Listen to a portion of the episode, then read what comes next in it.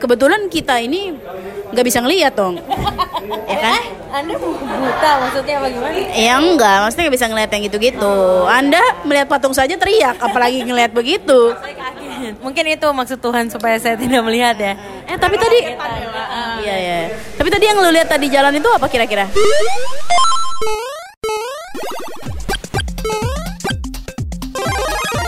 Empok susu. Emang podcast? Suka-suka. Suka. Gue nggak tahu sih, cuman kayaknya apa ya?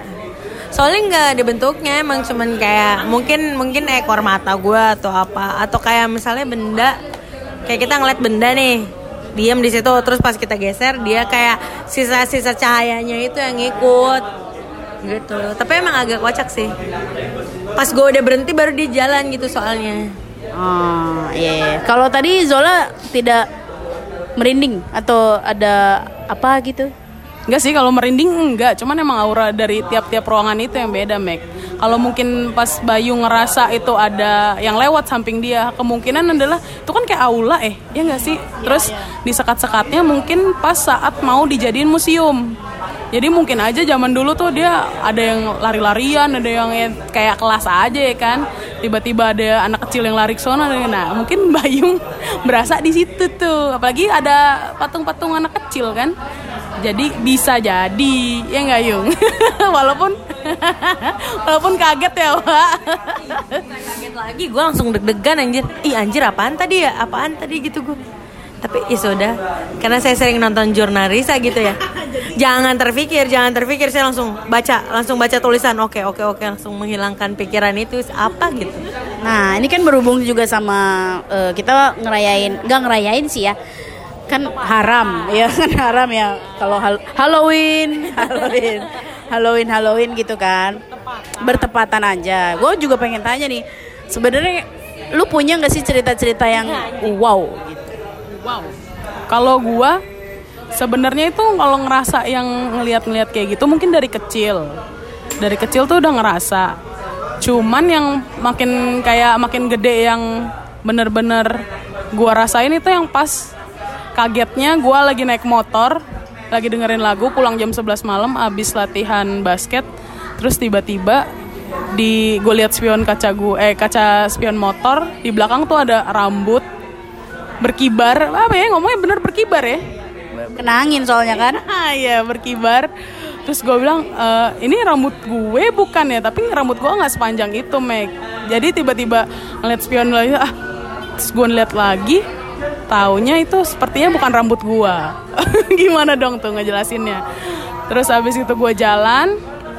Emang jalan itu sepi sepi dan banyak apa pohon bambu dan segala macem sampailah se- seberang jalan itu tuh ada kuburan abis dari kuburan itu gue tengok lagi spion hilang Nebeng ya, Wak. kayak apa nebengers ya Nebengers ya. Mungkin dari situ yang membuat Anda ingin bekerja di Uber dari situ. Pernah ditebeng nih. jiwa-jiwa memberi tumpangan sudah ada begitu. Kalau Ibu Lembayung sendiri? Saya apa ya? Gue sih nggak pernah dulu waktu kecil sebenarnya. Tapi udah itu doang terakhir yang gue lihat. Jadi umur gue mungkin TK or SD gitu ya.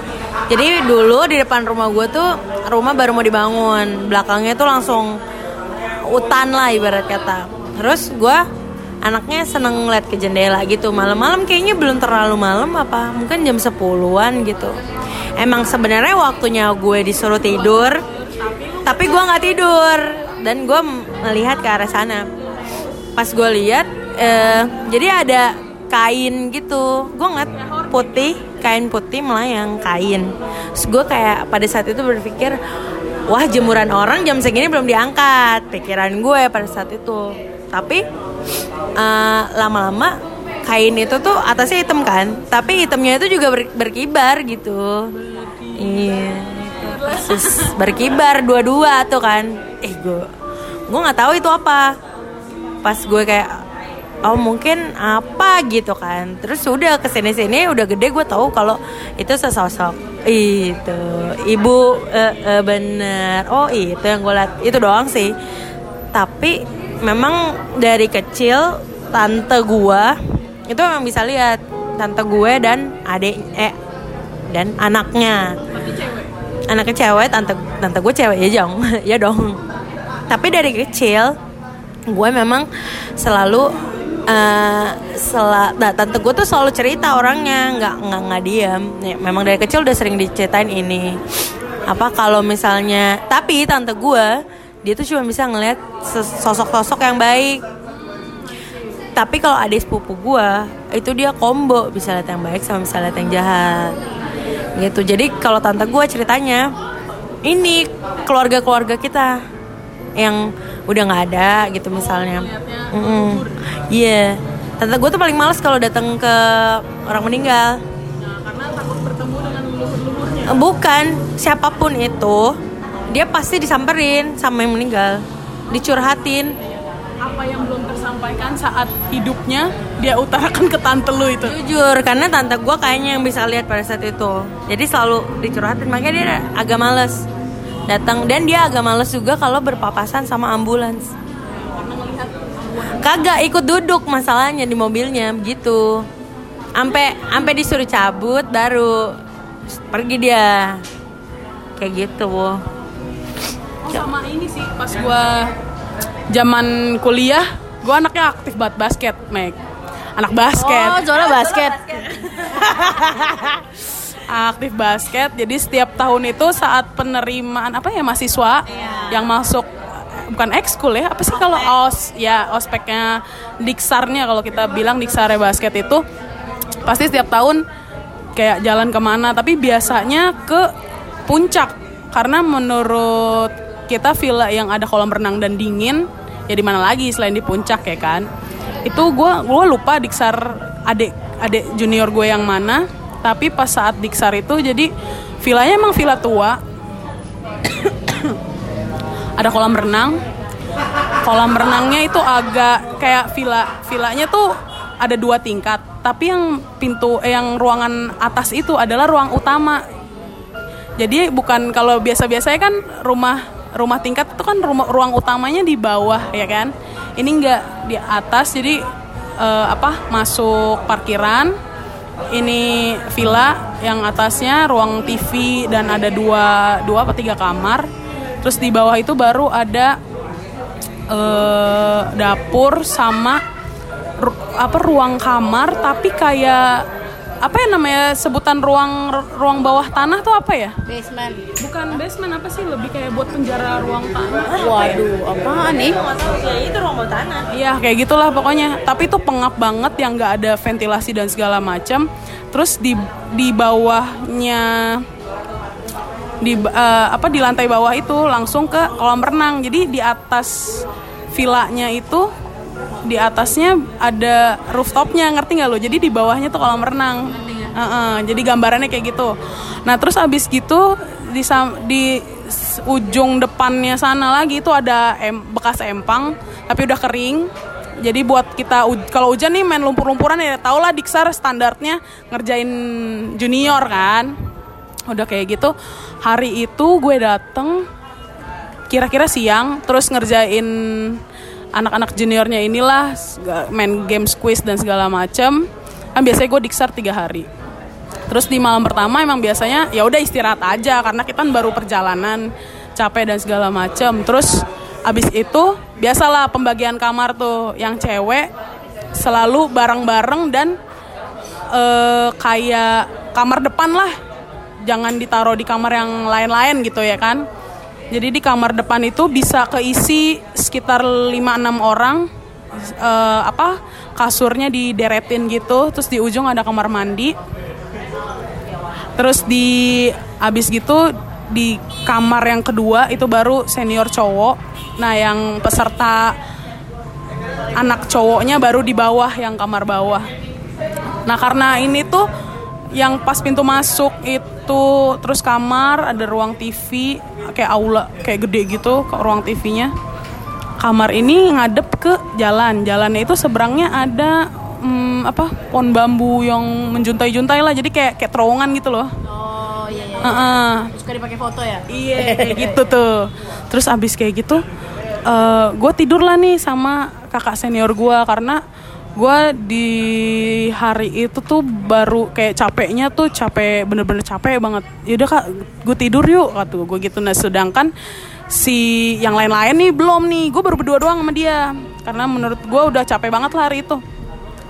Baru mau tidur jadi kasur gue sebelah sebelahan sama dia. Terus dia maunya sebelum tidur kita ngobrol dulu ya. Mestinya kayak biar capek ngobrol capek cerita gitu baru tidur gitu biar gitu.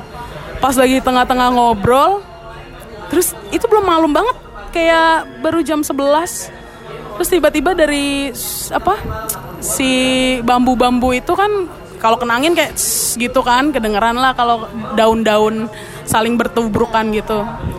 Tiba-tiba ada dari hihihihi sumpah. Sumpah itu lagi keadaan capek lagi keadaan gimana. Gue yang gue udah males banget dari kasur terus bangun lagi buat lari gitu kayak udah udah deh gue capek. Tapi tem senior gue ini kabur ternyata. Anjing gue bilang kak ya ya udah. Gue udah cuma tutup selimut. Gue udah nggak mau apa gue udah nggak mau mikir itu kuntilanak deket atau jauh. Gue nggak mau. Gue tutup selimut. Udah gue ya allah tidur ya allah tidur. Udah gue baca doa terus gitu kan. Habis kayak gitu tiba-tiba pas pagi si senior ini udah ngomong lah mas Taya sama teman-teman gue yang lain sama senior senior yang lain. Terus dia nanya gini lu berani Zol tidur sendirian? Ya, ya mau gimana lagi? Gue bilang gitu kan lah emang gue eh, si si putih emang dari itu dia tidur di bawah?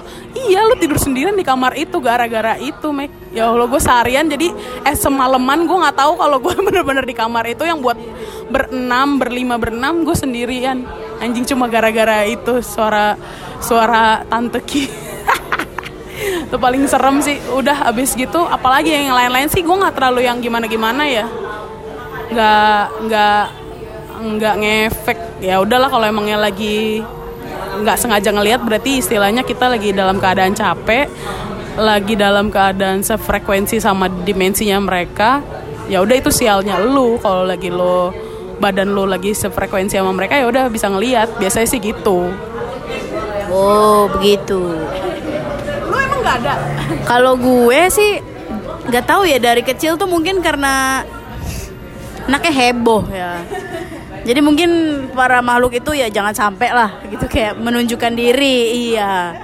Kayak mungkin ah nih anak heboh banget ntar ngeliat gue heboh gitu kan.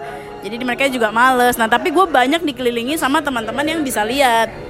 Kayak eh eh, jadi kayak waktu itu gue pernah ada satu tempat tongkrongan gitu ya.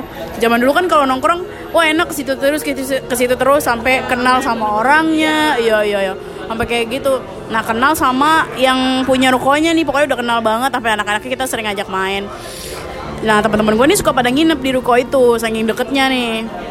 Dan mereka pada cerita, anjir ini ruko tuh anjir, serem banget, serem banget, serem banget gitu kan. Ntar yang tiba-tiba jam 3 pagi ada suara orang turun dari rooftop ke bawah kan karena eh, tangganya tuh tangga spiral yang besi gitu tau kan lo? Jadi ada bunyi dang dang gitu kan. Nah terus gue tuh dari iya dari dari situ gue kayak anaknya ya gimana ya? Takut tapi penasaran. Ya gimana sih? Nginep tuh di situ? Lu nginep? Iya, gua nginep. Oke, gua nginep, gua bilang. Kayak ya pengen, peng, ya karena itu gua nggak nggak pernah tahu, tapi pengen tahu, tapi takut sih sebenarnya gitu kan. Pas gua nginep nggak ada bunyi apa-apa, Jo. Terus kayak ya elah gitu kan kesel gitu, nyesel. lu pengen pembuktian Ah, ah, kalau gue juga pengen ih punya cerita gitu gitu kan ya nggak punya. Terus eh Kalau taunya cerita horor ya, mending nanya adik gue tuh. Adik gue tuh selalu apes banget jadi manusia kena mulut terus lanjut dulu nanya. Terus eh, apa? Di mana lagi ya? Eh, oh, pernah kita ke akhirnya tapi di ruko itu lu nggak ketemu apa apa tuh Enggak, tapi teman-teman gue ketemu. Bahkan sampai kayak teman gue yang bisa ngusir pun sampai didatengin. anjir Dat- ditantangin dong Iya, pindahin pindahin. Zaman dulu tuh pindahin ke botol. Nah, gua itu tipe yang eh mau dong lihat gitu, minta dong. Enggak, Megi lu di sini aja. Gitu, gue kenapa ya? Gitu kayak nggak boleh dikasih lihat ya udah. Tapi gue punya satu cerita waktu itu. Jadi eh, tante gue, tante gue ini pisah sama almarhum suaminya berantem. pas dia nginep di rumah gue jadi kasurnya dua. Tante gue di bawah gue di atas. Berhari-hari kayak gitu. Sampai satu hari tante gue tante gue minta buat tukeran. Tukeran dong tante di atas. Oh ya udah gue di bawah. Ya karena gue ya itu dari dulu gue nggak punya pikiran apa apa ya. Malam-malam datanglah lu tahu leak Bali? Yang garis-garis hitam putih. Uh yang matanya gede banget kan. Tiba-tiba gue tuh kayak antara sadar nggak sadar ya pas gue mu cuman kayak micing gitu mata gue micing gitu set keli- kelihatan itu leak Bali depan muka gue dan dia udah tangannya tuh udah mau megang gue gitu kan dengan kuku-kukunya yang panjang itu. Dan gue tuh tahu banget kayak anjing gue mesti balik badan balik badan nggak bisa nggak bisa nggak bisa gerak iya terus gue kayak aduh gimana ya? Aduh gimana ya? Ya baca doa lah baca doa baru terus balik hilang. Nah itu tuh gue cerita doang ke oma gue oma gue bisa ngeliat. Dan kalau kata oma gue mungkin dia ngincernya tante gue. Tahu kan tuh kemarin-kemarin tidurnya di bawah. Tapi pas tukeran kenanya sama gue. Dan kata tante gue pun eh, tante gue sih nggak ngomong ya Eh, tapi oma gue yang ngomong. Tante gue cerita dia kayak pas bangun gitu ada kayak genderuwo gitu kali ya yang yang nindihin dia gitu loh berdiri di atas dia gitu. Dan bahkan kayak dianya sampai sesak napas gitu. Kayak gitu. Gue pernah pernah ada di posisi itu tapi guanya pribadi masih bertanya-tanya saat itu itu apakah gue bermimpi atau enggak? Karena eh, setengah sadar gitu. Itu aja sih kalau cerita gue Kalau menurut gua di Islam tuh ada namanya jin nasab. Jin nasab itu jin turunan leluhur gitu. Itu di Islam ada. Dan itu emang biasanya bukan ngincer ya. Apa ya lebih tepatnya dia mencari eh, turunan dari misalkan oma oma lo. Terus nanti turunnya ke salah satu anak oma lo yang cewek. Nanti dia akan turun lagi ke anak cewek lagi nyarinya. Kayak gitu. Itu namanya ada di di Islam namanya namanya jin nasab itu kayak gitu. Sebenarnya sih baik atau baik atau Hmm, sebenarnya maksudnya untuk menjaga, tapi kan yang namanya jin kan kita nggak boleh yang oh karena gua ada yang jaga gua kasih makan. Gua itu kan jadinya musrik kan. Di Islam tuh adalah ya emang emang ada beberapa yang dibilang itu apa ya? Bukan ilmu putih, dibilangnya sih ilmu putih. Maksudnya yang, yang bakal lo yang bakal lo iniin lah istilahnya kayak punya keris apa-apa kayak gitu-gitu. Nah gue punya cerita. Jadi pas saat oma gue meninggal, oma gue meninggal, ya mungkin itulah silsilah keluarga kan gue nggak tahu nih. Oma gue meninggal, nyokap gue saat itu kayak bukan depresi ya, mungkin dia ngerasanya, aduh gue jadi anak gimana sih pas emak gue meninggal gue nggak ada gitu loh. Eh, dia tetap dia yang berangkat sendiri ke Papua, rumah oma gue kan di sana kan. Terus habis kayak gitu eh, selama sebulan dia di sana pas balik ke rumah nyokap gue aneh nyokap gue aneh gue bilang kok ibu gini ya kayak bukan nyokap gue gitu Mac terus kata bokap gue cuma itu pas gue zaman kuliah semester 1 adik gue masih SMP SMP-an lah. Bokap gue cuma bilang gini "E, kalau ibu ngomong yang aneh-aneh iyain aja jangan di jangan di gimana gimanain katanya. Iya. Ya udah tuh kita ikutin ya kan. Tapi selama nyokap gue balik ini itu di rumah tuh kayak bukan rumah gue ngerasanya. Terus tiba-tiba di satu malam gue selalu tidur sama adik gue yang cewek kan. Adik gue yang cowok tuh selalu memilih tidur di depan TV pas gue tidur di kamar itu kamar selalu agak pintu kebuka dikit biar ada sinar masuk kan si lampu. Tapi lampu kamar tuh dimatiin. Itu gue berdua sama adek gue lagi ngobrol tapi udah dalam keadaan lampu mati dan kita udah siap tidur. Itu ada yang lewat di depan kamar.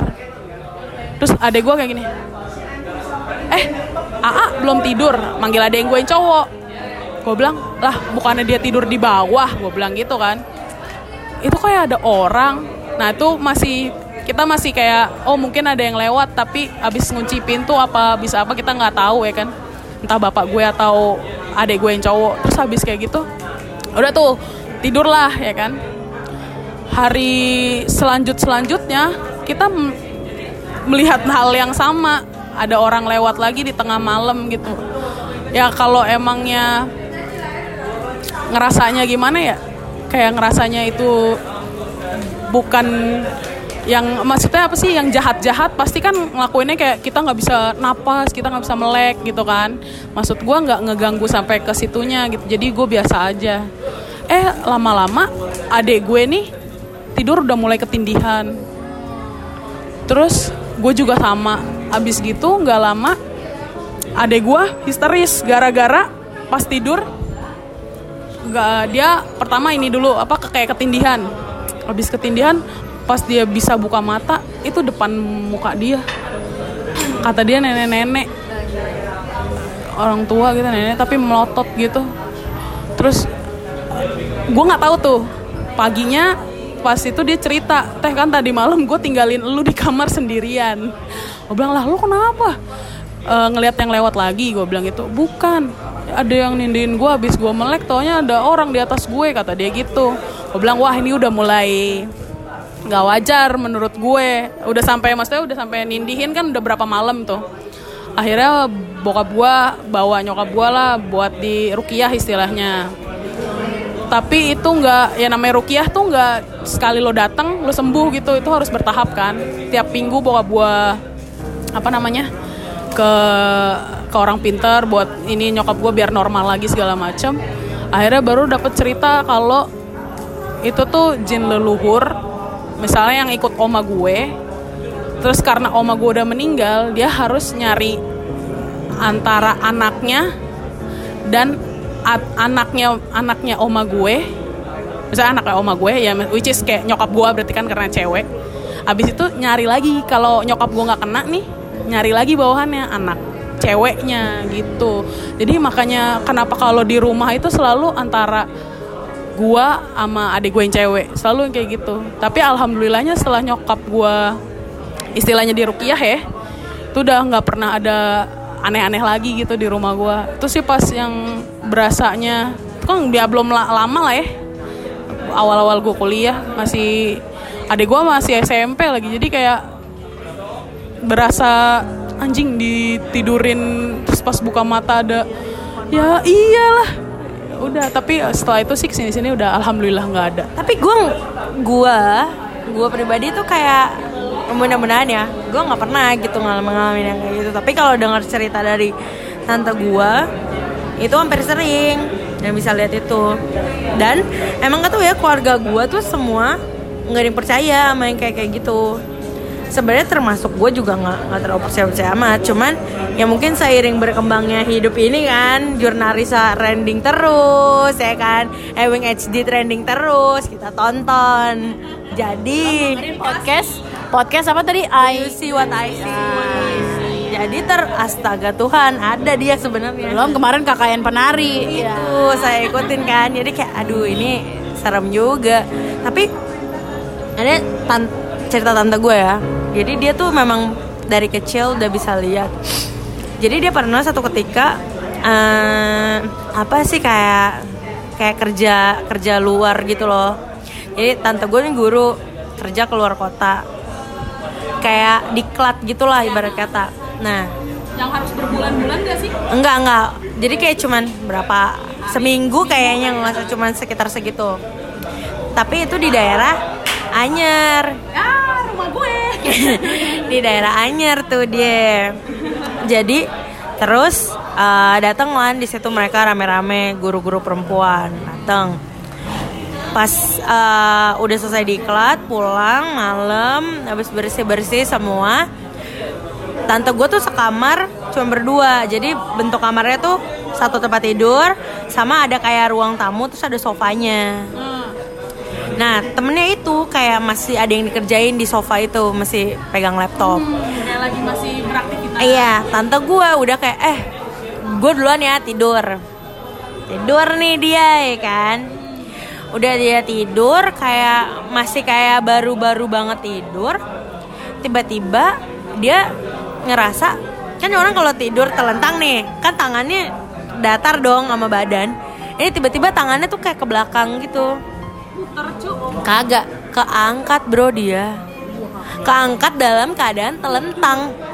Iya tapi dan tidur telentang. Jadi kayak dia pas dia lihat kok kayak plafon agak deket sama dia pas dia lihat ke bawah lah kenapa gua gitu? Loh kok gue dia bisa ngambang gitu? Terus nggak berapa lama dia kayak tiba-tiba kayak banyak yang pegangin dia terus dia di, di ditempelin ke tembok gitu. Tapi kayak diarahin dia kayak disalib gitu loh bentuknya tangannya ke ki- tangan kirinya direntangin ke kiri tangan kanannya direntangin ke kanan. Terus dia dihadapin keluar. Di luar itu langsung laut. Sumpah di luar langsung laut. Terus dia kayak anjing nih apaan? Nggak berapa lama. Dari laut. Astagfirullah lembayung. Rinding anjing. Nggak berapa lama dari laut. Kayak bentuknya tuh macam-macam tapi semua hitam matanya merah. Dari laut itu banyak banget bisa kayak bisa ratusan datang gitu ke dia. Untuk kayak kayak ngelihat dia terus datangnya tapi kayak diserbu gitu ya terus ngelihat dia terus dia cuma si si makhluk itu cuman kayak lu bisa lihat gua ya? Gitu intinya mau ngomong kayak gitu lu seberapa kuat kekuatan lo? Gitu digituin tante gua. Terus kayak tante gua pada saat itu kayak takut tapi dia memang selalu ngajarin ke gue dan ke anak-anaknya. Ketika lo ketemu sama mereka lo nggak boleh ada rasa takut gitu. Maaf. Nggak boleh ada rasa takut di hati lo. Pun lo kayak eh, menghilangkannya dengan cara misalnya baca doa gitu. Tapi lo cuma mengucapkannya aja tapi di sini takut. Dia tetap bisa baca di hati kan. Terus tante gue kayak gitu dia kayak eh, nantangin juga kayak gue nggak takut ya sama lu gitu. Terus masih di kayak dicengin gitu sama makhluk makhluk di situ kayak masa lo nggak takut sama gue gue dari laut gini gini gue yang gue yang punya laut lah segala macam. Mereka bilang kayak gitu. Nah, tante gue terus kayak tante gue gue nggak takut ya gue nggak takut turunin gue sekarang atau lu semua pada udah nggak ada lagi di laut. Tante gue ngomong gitu.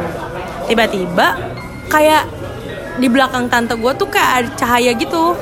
Tiba-tiba terus kayak abis itu tante gue dijatuhin mereka pergi. Semuanya. Pas dijatuhin gitu si temennya tante gue ini langsung kayak nengok ke belakang. Eh kenapa bu? Gitu. Terus kata kata tante gue lu ngapain aja dari tadi? Gitu kan. Nggak lagi ini ini ini. Oh terus tante gue kayak biasa. Nggak nggak gue cuman kayak kayak orang tidur terus kebangun gitu kayak kaget. Tapi kenapa si temennya langsung ngeliat? Karena kayak orang dijatuhin dari atas gitu kan. Bunyi.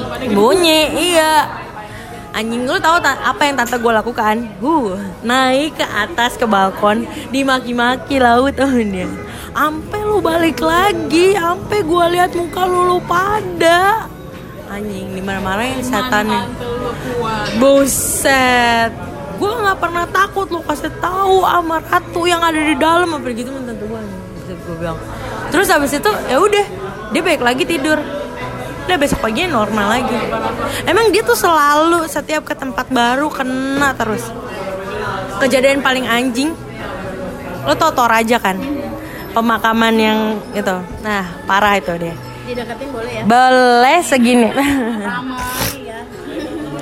Di Toraja jadi memang lagi waktu itu kerja tapi sambil liburan wisata lah kita ke tempat orang-orang mati kan. Lihat tengkorak lihat apa. Tante gue tuh masuk ya dia melihat. Misalnya kayak eh, tiba-tiba di ujung eh ini kok ada ada yang jaga gitu. Terus tiba-tiba tour guide-nya bilang ini tuh makam raja. Dia udah lihat pada saat itu tapi kayak oh ya udah. Tidur nih pulang ke rum ke penginapan. Dia tidur berdua sama adiknya. Pas tidur pas dia lagi pas dia lagi dia pulang bareng sama adiknya. Jadi gimana ya ceritanya? Pokoknya udah dia udah tiduran lah. Jadi kayak dia udah ngobrol nih sama adiknya. Eh gila gimana tadi? Bagus ya eh, penguburan dan segala macam. Tiba-tiba oh udahlah ngantuk balik belakang nih dia. Tiba-tiba bel hotelnya bunyi. Ting gitu kan. Itu dia. Anjol.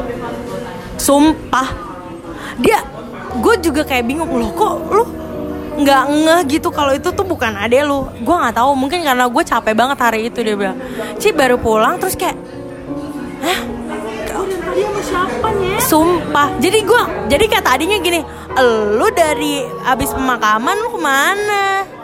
Gue jadi kayak- jadi kayak mereka memang pisah. Tapi tante gue ketemu sama sesosok yang mirip adiknya pulang. Tapi si adiknya itu ternyata malah kayak nyari terus akhirnya malah ikut sama bokap gue. Jadi ikut ke venue yang di mana acara itu berlangsung. Gue udah pas pulang kayak tante gue biar nggak Eh, iya. dan dia bersaudara bertujuh nih. Semuanya enam enamnya tuh penakut.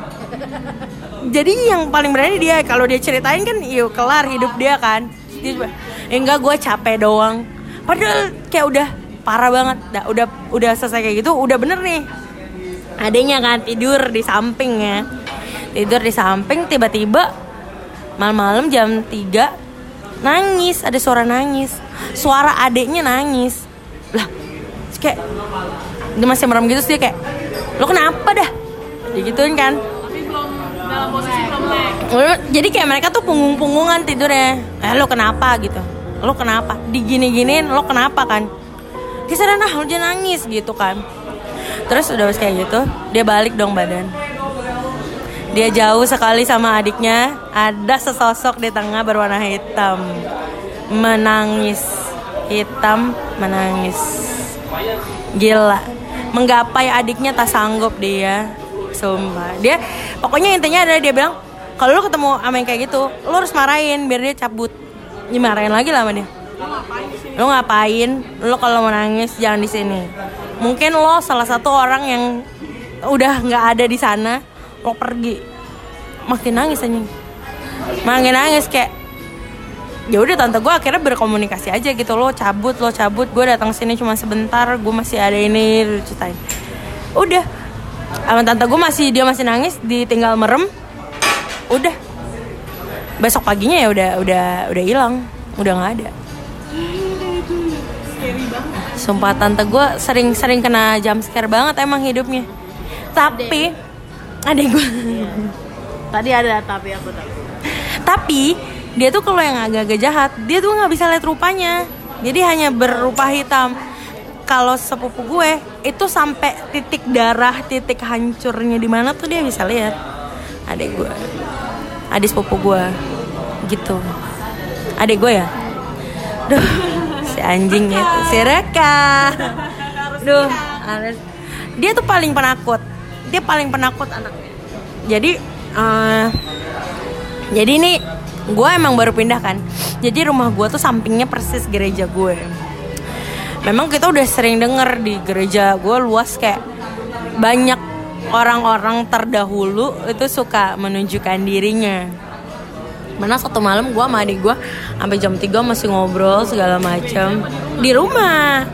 Jadi kamar gue itu kayak langsung menghadap aula gereja gitu. Terus adik gue kayak jam 3 ah gue mau kamar mandi kak gitu. Jalanlah dia ke kamar mandi gue. Jadi kalau jalan ke kamar mandi gue tuh harus ngeliatin dapur gue dapur gue tuh ada kaca. Kacanya itu juga langsung menghadap aula. Jalan-jalan-jalan dia selesai pipis dia ngambil minum ke dispenser di dapur diambil minum dia iseng anaknya. Dia tengok keluar dia tengok. Terus abis dia tengok dia bawa minum nih ke dalam kamar. Dia ketawa sama gue. Kak kak masa di luar? Ada bapak-bapak pakai jas rapi banget jam segini kak. Di gue kan kayak ih adek gue kenapa? Gue coba adek gue kenapa? Terus kayak lucu banget ya kak. Ngapain pakai jas ya malam-malam ya segini ya? Mau ada apa Namanya juga dong-dong. terus kayak pa- padahal kayak hari itu tuh bukan hari Sabtu yang besoknya mau gereja. Hari biasa gitu. Terus kayak dek gue gue gituin dia kan. Kenapa kak? Masih masih dongo juga. Dek ini jam 3 anjing. Langsung gitu deh anjing kaki gue lemes kak. Kaki gue lemes kak sumpah ya gue bilang gini. Kalau gue buka nih hordeng kamar kita live bareng-bareng. Kalau kagak ada eh kalau orangnya ada kita ketok kamar mama. Bilang di depan ada orang. Tapi kalau nggak ada gue mohon maaf nih yang lo lihat adalah bukan sesosok manusia gue anjing anjing. Dia itu pintu kamar belum ditutup terus gue kayak hitung ya deh aduh anjing gue lemes gitu kan lemes lemes kaki gue megang mem- membatu tapi lemes terus terus itu kayak pas gue buka eh, nggak ada. Emang bener-bener nggak ada. Dek nggak ada ya? Nggak ada. Habis gitu gue tutup dia naro apa gelasnya. Habis itu dia kakak gue tidur sama lu pokoknya sekasur sama lu gue gak mau tahu. Gue ceritain dong sama kayak orang gereja lama gue kan. Eh adek gue kena nih gini gini gini gini. Ngeliat siapa gitu kan ada opa-opa pakai jas. Opa-opa pakai pakai safari gitu kayak ja- jas bawahnya tuh celana bahan tapi sesama. Meninggalnya meninggalnya dalam gue Islam, dalam Islam dalam Kristen. Bener terus habis kayak gitu pas gue cerita sama oh terus dia langsung ngomong gini pas diceritain lah itu kan opa gue sumpah. Jadi memang opanya itu setiap ke gereja selalu pakai baju safari gitu. Iya yang sama.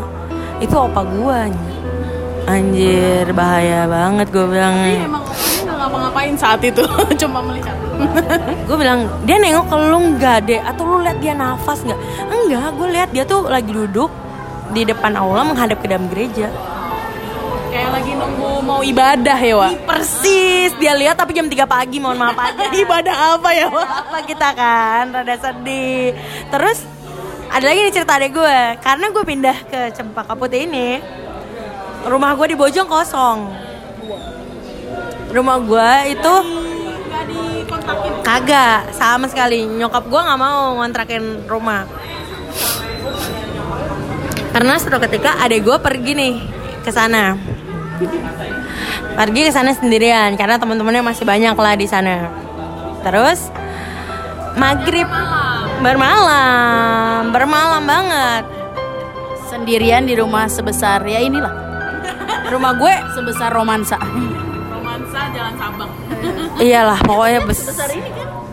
Lebih besar kak. Lebih besar. Gede emang rumah gue. Terus maghrib nih dia. Jadi rencananya dia pulang so apa habis main sore pulang mandi malamnya mau main lagi. Iya cuman gitu doang. Iya. Cuman jadi kayak dia dia datang belum ke rumah dulu main dulu baru dia ke rumah. Pas sampai rumah mandi dong dia. Mandi mandi mandi mandi lagi dalam keadaan mandi. Dalam keadaan mandi. Ada yang manggil dia. Kabu karena adek gue tuh dipanggil panggilan kesayangan nyokap gue ke adek gue tuh kabu. Kabu gitu kan. Suara nyokap gue. Terus adek gue nyaut. Oi mah lagi mandi.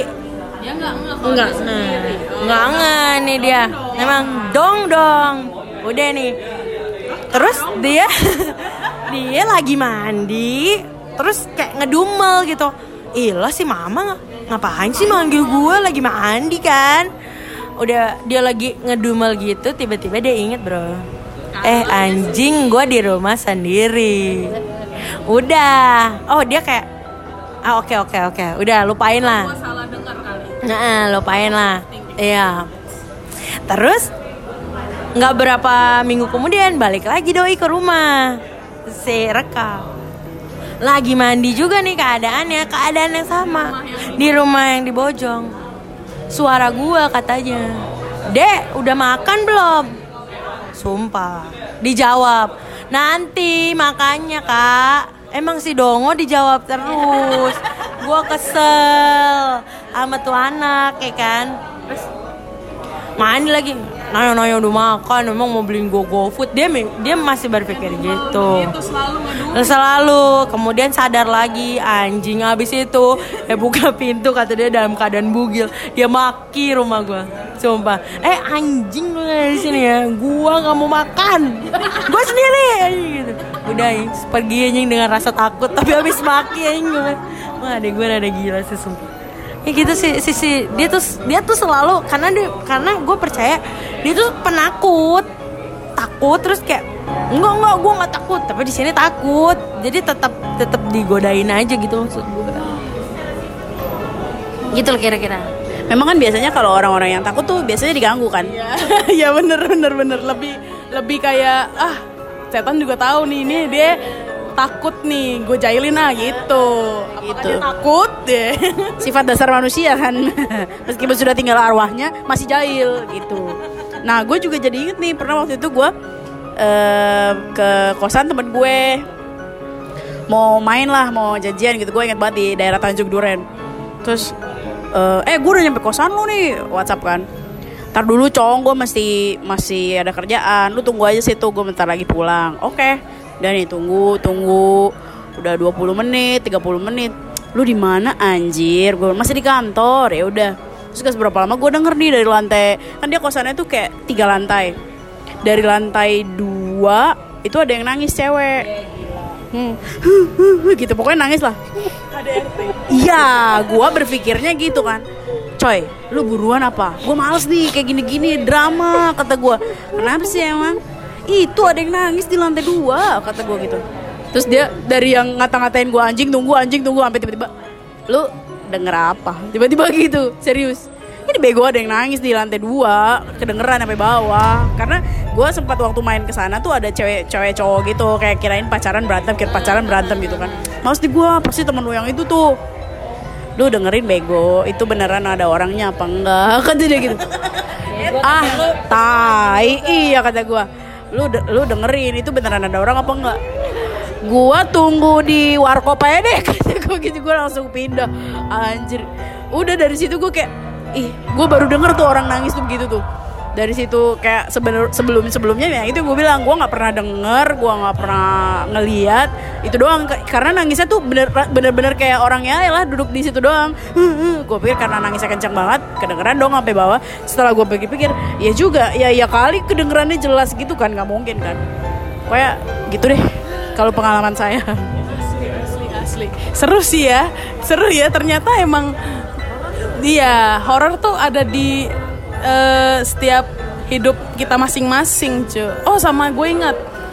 Jadi pas setelah ke pergian oma gue nyokap gue ini kan setiap setahun sekali selalu balik ke Papua ke Biak. Jadi oma gue itu ini make apa namanya punya panti asuhan. Jadi rumah dia tuh emang gede luas banget letter U gitu letter U gini ya kan. Jadi rumah oma gue tuh di sisi sebelah kanan ini panti asuhannya. Ini eh, rumah om gua sama ada kayak depannya itu poliklinik buat kayak istilahnya kan kalau di daerah kan buat ke RSUD-nya pun jauh jadi ada klinik-klinik kecil lah. Itu biasanya cuma kayak buat orang demam orang kayak sakit-sakit biasa yang nggak terlalu ini. Oh sama buat kalau sunat sunat sunat anak kecil. Oma gue tuh dulu gitu. Nah tiap tahun ini saat idul adha mau idul adha itu oma gue eh, dari dari dia ada sampai sekarang tuh masih diterusin tuh sama om gue sama nyokap gue buat eh, sunat massal sebelum idul adha. Ceritanya tahun lalu tahun lalu pas idul adha tahun ini kan dia nggak balik. Tahun lalu idul idul adha dia dia balik ke sana terus 10 hari apa kok nggak salah ya 10 hari si nyokap gue ini tidurlah di kamar oma gue. Karena dia pikir eh, gue cuma bisa kangen-kangenan sama rumah gue setahun sekali nih. Dia tidur di rumah oma gue. Biasanya dia se dia balik ke Papua tuh sama bokap gue juga. Karena istilahnya buat ngebantu acara sunatan itu kan. Tahun lalu dia datang sendiri dia tidur di rumah oma gue. Dia sholat lah segala macem gitu-gitu. Pas malam udah eh, abis sholat isya terus dia biasa makan dulu dan segala macam terus dia tidur mau sholat malam nih ceritanya jam satuan apa jam 2an gitu. Dia mau tahajud eh, udah kelar tahajud dia mau tidur lagi mau tidur lagi tapi kayak mager lepas mukena gitu loh. Mager lepas mukena kata dia ah nanti tinggal subuh biar wudhu lagi tinggal ini lagi gitu kan. Ya udah tuh dia tidurlah dengan mukena ya kan. Pas tidur kata dia. Jadi ada apa di kamar nyok di kamar oma gue tuh ada kayak tadilah apa lemari jati yang gede-gede gitu. Isinya emang cuma kayak tinggal baju oma gua sama mukena mukena dia yang dia kan emang doyan mukena tuh putih gitu nggak pernah yang kayak kita kita nih yang anak muda mukenanya corak segala macem yang berbunga-bunga ya kan? Udah abis kayak gitu. Itu dia mau udah mau tidur tapi setengah tidur gitu. Kata atau kata nyokap gue gini ini kok u- emang mau subuh sih. Biasanya kan anak panti itu bangun selalu harus subuh ya kan? Ya emang ada yang Kristen ada yang Muslim tapi yang biasanya Muslim itu sama om gue kayak ngaji dulu sebelum eh, sholat subuh nanti habis itu subuhan habis itu lo baru deh mau olahraga mau apa kayak gitu gitu kan Terus abis gitu kata nyokap gue gini kok ini rame ya di luar ya kayak kayak udah mau aktivitas aja gitu. Padahal di situ masih kayak jam setengah tiga apa jam tigaan lah yang notabene masih jam tidurnya mereka kan. Kata nyokap, ah biarin deh namanya anak kecil kali kan. Biarin aja deh pada berisik-berisik. Ya Udah tuh nyokap gue eh, mencoba tidur lagi. Pas mencoba tidur lagi, kok ini kayak berisiknya bukan berisik orang ngobrol orang ini ya kayak gerasak gerusuk gitu loh habis gitu kata nyokap gue gini ini kayaknya bukan bukan anak-anak deh bangunlah dia keluar ngecek nggak ada yang ke rumah oma karena jadi kayak panti asuhan itu terkoneksi gitu loh semuanya. Walaupun panti asuhan apa gedungnya sendiri tapi bisa jalan dari rumah oma gua ke dalam itu ke rumah om gua tuh muter gitu. Gak ada ya pada masih tidur ah kayaknya gitu kan. Baliklah dia ke kamar rumah gua mau tidur lagi gitu lagi berisik lagi. Nyokap gua wah ini berisiknya udah bukan berisik manusia nih baca doa lah dia sambil biar biar sampai ketiduran lah istilahnya gitu. Terus nyokap gue bilang gini ngomong sama diri sendiri ini gerasak gerusuknya dari mana ya tapi ya masih kepo kan jadinya. Abis gitu pas didengerin taunya dari eh apa namanya? La, eh laci lemari jatinya oma gue. Berisik nih gebak gubuk gebrak gubuk gitu kan. Hmm, kata emak gue ini masih ada yang disimpan nggak ya sama oma gitu? Difikirnya adalah kayak mungkin apa perhiasan apa? Iya kayak gitu jimat-jimat atau apa? Kan yang namanya orang dulu kan masih suka nyimpen-nyimpen gituan kan? Abis itu dia dengerin bener gerasak gerusuknya dari si lemari jati itu. Kata nyokap gue, duh eh, buka nggak eh? Gitu kan. Maksudnya daripada nanti dia gimana-gimana tuh akhirnya dia diemin lagi. Walaupun dia akhir tahu nih sumber suaranya dari si lemari jati itu. Udah gitu dia mau nyoba tidur lagi. Itu lemari malah buka tutup, buka tutup, buka tutup. Makin kayak wah makin gak beres nih kata emak gue gitu kan akhirnya dia bangun sholatin tahajud lagi diterusin sampai subuh kelar subuh baru dia bisa tidur terus baru pas nyokap gue bangun abis subuh ya misalnya udah kelarin tidur itu paling kayak jam tujuan lah dia bangun lagi karena udah panti asuhan pasti udah rame kan anak-anaknya udah pada bangun. Dia buka lah tuh lemarinya oma gue ada nyokap gue oh masih ada si keris masih apa yang kayak gitu-gitu kata nyokap gue gitu kan.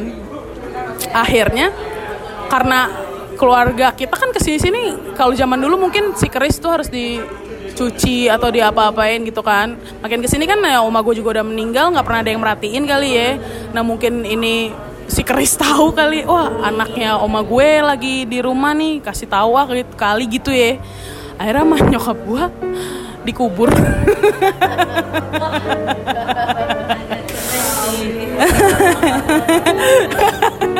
dikubur ya itu tapi kalau dalam Islam itu cara memutuskan eh, apa namanya ya ikatan ikatan jin nasab itu ya begitu. Entah dibakar atau dikubur gitu. Daripada lu harus kayak melihara lagi dicuci pakai itu lebih ini lagi sih. Itu yang gue bilang anjing ini oma gue udah kayak tujuh tahun apa enam tahun udah eh, eh, udah nggak ada. Terus karena mungkin pas tahun-tahun sebelumnya bokap nyokap gua kan maksudnya berdua dan itu nggak pernah tidur di kamar oma gue. Pasti tidurnya di kamar tamu gitu. Kazo lu ada Sundanya ya? iya bokap. Itu juga gawat. Mohon maaf Banten. Tapi kalau kalau dari keluarga bokap gue sih nggak ada yang aneh-aneh cuman kalau dari nyokap gue mungkin itu jadinya akhirnya gue belajar oh iya jin keturunan mungkin dan itu yang harus diputusinnya dari nyokap gue pas oma gue meninggal itu akhirnya udah nggak ada gangguan apa apa tuh di rumah gue tapi kalau dari rumah om gue yang di Banten itu ada Lu samperin ada kelelawar itu. Iya. Wah. Wah, jadi eh, om gue ini dia emang memilih untuk tidak menikah, dia tinggal sendiri. Emang rumahnya tuh enak banget. Padahal gue mau ngajak lu lupa dan di liburan ntar jadi takut ya. Aduh, ya ya ya ya. ya. Nih ya. Saya bener. Kebetulan nggak mikir rame-rame lagi mending nggak usah. Iya iya iya iya. Jadi kalau gue kan biasanya kalau ke Labuan itu sama adik gue ya kan? Kalau adik gue mau sama bawa temen-temennya ya udah bokap nyokap gue nggak ikut gitu. Nah itu satu waktu tahun lalu apa ya? Karena gue lupa apa gue saking banyaknya seringnya ke Labuan gue lupa ya. Pokoknya antara tahun lalu atau wah nah itu gue lagi pulangnya bareng sama adik gue sama cowoknya adik gue. Berempat tuh jadinya kita di mobil semobil. Ya udahlah gue karena datangnya malam gue biasanya gue tidur di rumah tante gue yang belakang.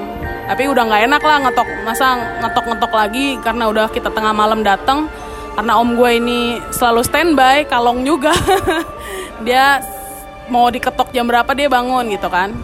Udah nih akhirnya kita memilih untuk tidur di situ tapi di ruang tamu. Si kamar itu nggak diisi ada kamar satu. Biasanya emang buat nyokap bokap gue kalau nginep tuh pasti tidur di situ. Heeh.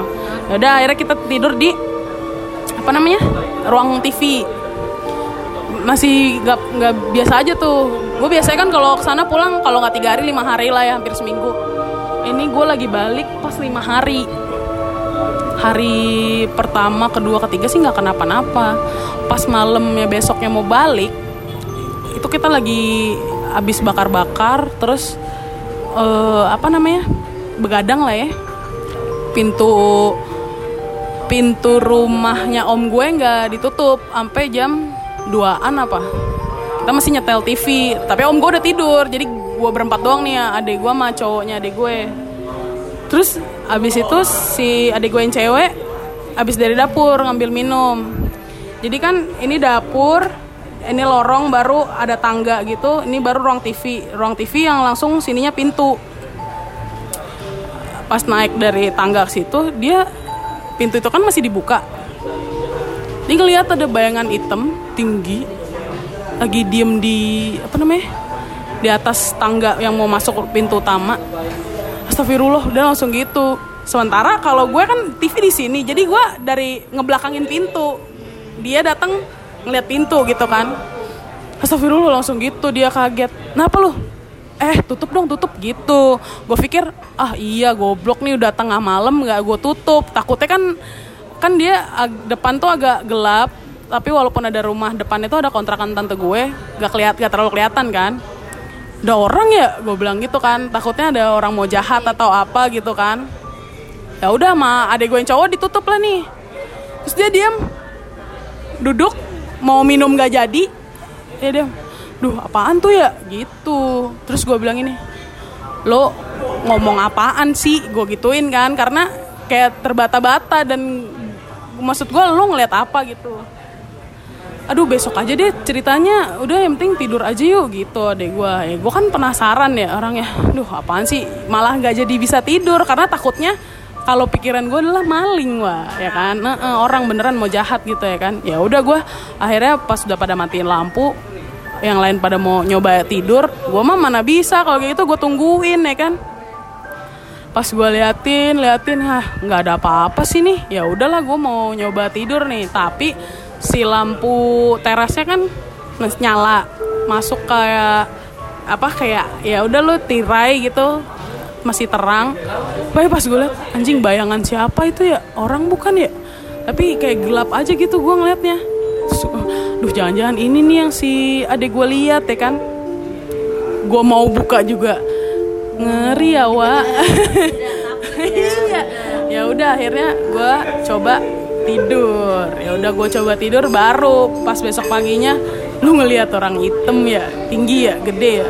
Iya lu ngelihat emang? Iya gue ngeliat lagi. Gue bilang itu habis lu lu pada nyoba tidur gue nggak tidur. Gue gue pikir takutnya maling kan? Takutnya mau ngapain mau ngapain ya udah gue tungguin gue bilang gitu. Ya udah terus ya anjing gue sama ngeliat sama yang dia lihat.